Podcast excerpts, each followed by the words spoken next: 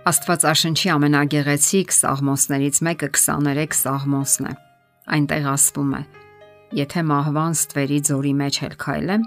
չար բանից չեմ վախենա, որովհետև դու ինձ հետ ես։ Քո գավազանն ու քո ցուպը մխիթարում են ինձ։ Մարդու կյանքը երկրի վրա լի է վախերով։ Վախն ունի նաև պաշտպանական մեխանիզմներ, որոնք մարդուն դրթում են քայլեր ձեռնարկել ազատվելու այս կամ այն վտանգներից Սակայն երբ ազատվելու հնարավորությունները զիջում են վտանգի մակարդակին, մարդը պարզապես սթրեսի մեջ է հայտնվում կամ բախտի կմահաճույքին։ Սակայն մարդն ունի պաշտպանության ամենահզոր հնարավորությունը։ Երբ նա հավատում է Աստծուն, նրա կյանքում փոփոխություններ են տեղի ունենում։ Աստծուն ապավինող մարդու հավատքը կոչվում է ապակինող հավատք, որովհետև հավատն ու վախը միանգամայն հակադիր հասկացություններ են, որոնք մարդկային հոգում պայքարում են միմյանց դեմ։ Եվ արդյունքում հավատքը ազատագրում է ամեն տեսակի վախերից։ Որքան էլ վախերը ճնշեն մարդու հոգին եւ փորձեն ջլատել այն, Աստված իր ներկայությամբ հեռացնում է ամեն տեսակի տագնապներ ու սարսափներ։ Այն պահից ի վեր, ինչ մեղքը մտավ աշխարհ, մենք ենթակա ենք վախին, սակայն իր խոսքում Աստված խոստանում է. Եթե մահվան ստվերի ձորի մեջ էլ քայլես, չար բանից չես վախենա, որովհետև ես քեզ հետ եմ։ Մեր մտքերը կարելի է նմանեցնել երկու ուղղությամբ հոսող գետերի։ Մեկ ուղղությամբ հոսում են դրական մտքերը, մյուսով բացասականները։ Եթե առաջինը ուրախություն եւ խաղաղություն է պատճառում, երկրորդը բացասական հույզեր եւ անհանգստություն։ Իսկ բացասական մտքերից առաջինը վախն է, վախ ամենատարբեր բաների հանդեպ։ Շատերն ասում են, որ իրենք չեն վախենում, սակայն յուրաքանչյուր մարդու սրտում կան բաներ, որոնցից նա վախենում է։ Մեկը վախենում է հիվանդությունից, մյուսը ծերությունից, կորստից, դժբախտությունից, վաղաժամ մահից կամ աղետներից, հարազատների կորստից։ Եվ վերջապես բոլորի սրտում էլ ծվարում է վախը մահվան հանդեպ։ Այս ամենն իրականություն է մեր կյանքում Սակայն ահա վախենալը բոլորովին էլ պարտադիր չէ, որովհետև Աստծո ներկայությունը ազատագրում է դրանից,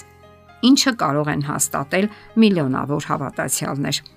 Շատ մարդիկ ապրում են նյարդային լարվածության մեջ։ Նրանց նյարդային համակարգը հյուծվում է։ Անցնում է որոշ ժամանակ եւ պորտքում է որևէ առիթով։ Շեշտենք, որ վախերն ազդում են մարդու եւ նյութական եւ հոգեվոր աշխարհի վրա Վախը քայքայում է մարդու այնպիսի որակներ, ինչպիսիք են երանդը, հնարագիտությունը, ոգեշնչվածությունը եւ ամենակարևորներից մեկը՝ ստեղծելու, ստեղծագործելու ուժը։ Այն ոչնչացնում է վստահությունը, մարդկանց հանդեպ դարձնում է անհոգ կամ չափազանց դյուրագրգիռ ու անհանգիստ, դաժան ու բարկացկոտ։ Վախն առավել սարսափելի է այն պատճառով, որ ապրում է մարդու յենթագիտակցության մեջ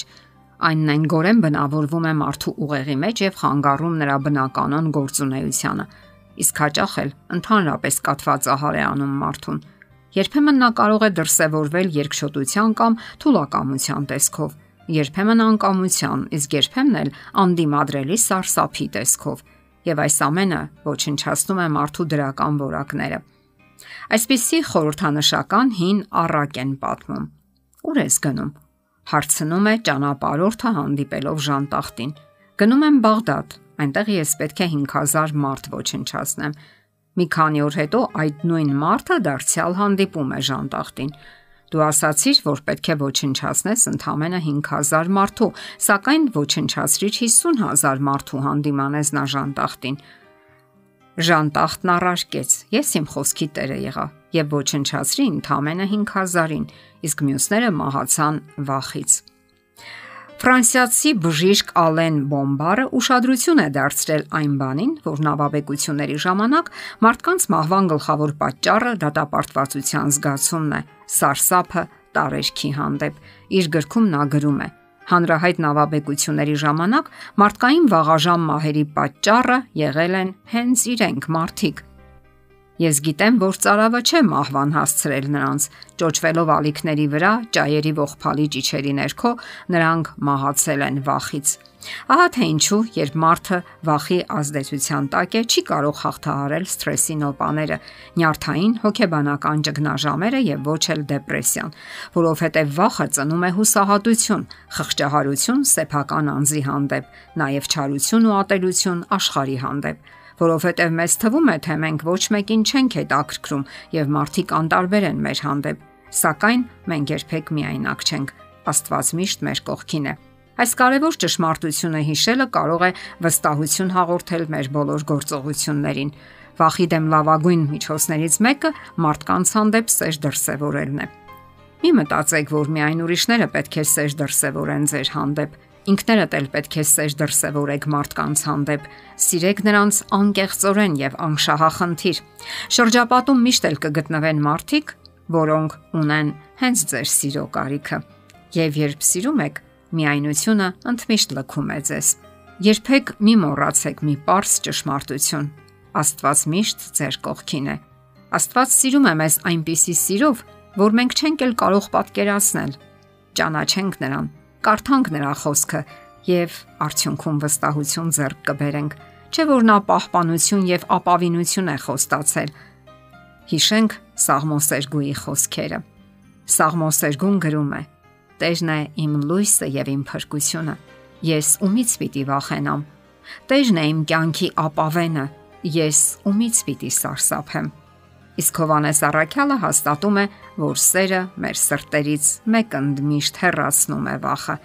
Իսկ Հովանես Առաքյալը հաստատում է, որ սերը մեկ ընդմիշտ մեր սրտերից հեռացնում է վախը։ Սիրո մեջ վախ չկա։ Կատարյալ սերը հեռացնում է վախը, որովհետև վախի մեջ տանջանք կա, եւ ով վախենում է, սիրո մեջ կատարյալ չէ։ Եթերում ղողանջ հավերժության հաղորդաշարն է։ Հարցերի եւ առաջարկությունների համար զանգահարել 033 87 87 87 հեռախոսահամարով։